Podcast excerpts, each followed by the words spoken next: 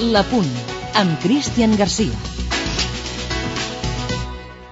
El Barça es va emboirar i l'Ossassuna va donar la volta al marcador, però era massa aviat, encara quedava massa temps. Millor dit, en un quart no hi ha molt a fer si ets un equip normal, però tractant-se del Barça, si li dones 15 minuts a Messi, a Xavi o a Iniesta, 15 minuts són moltíssims i clar, l'Ossassuna en un 3 i no res va veure com se li escapava la victòria de la mateixa manera que la boira escampava sense més ni més.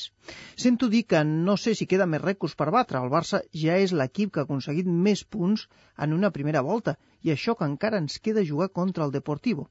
13 victòries consecutives fora de casa, 8 en Lliga, 54 gols a favor, només 13 en contra i Pep Guardiola encara li veu defectes al seu equip.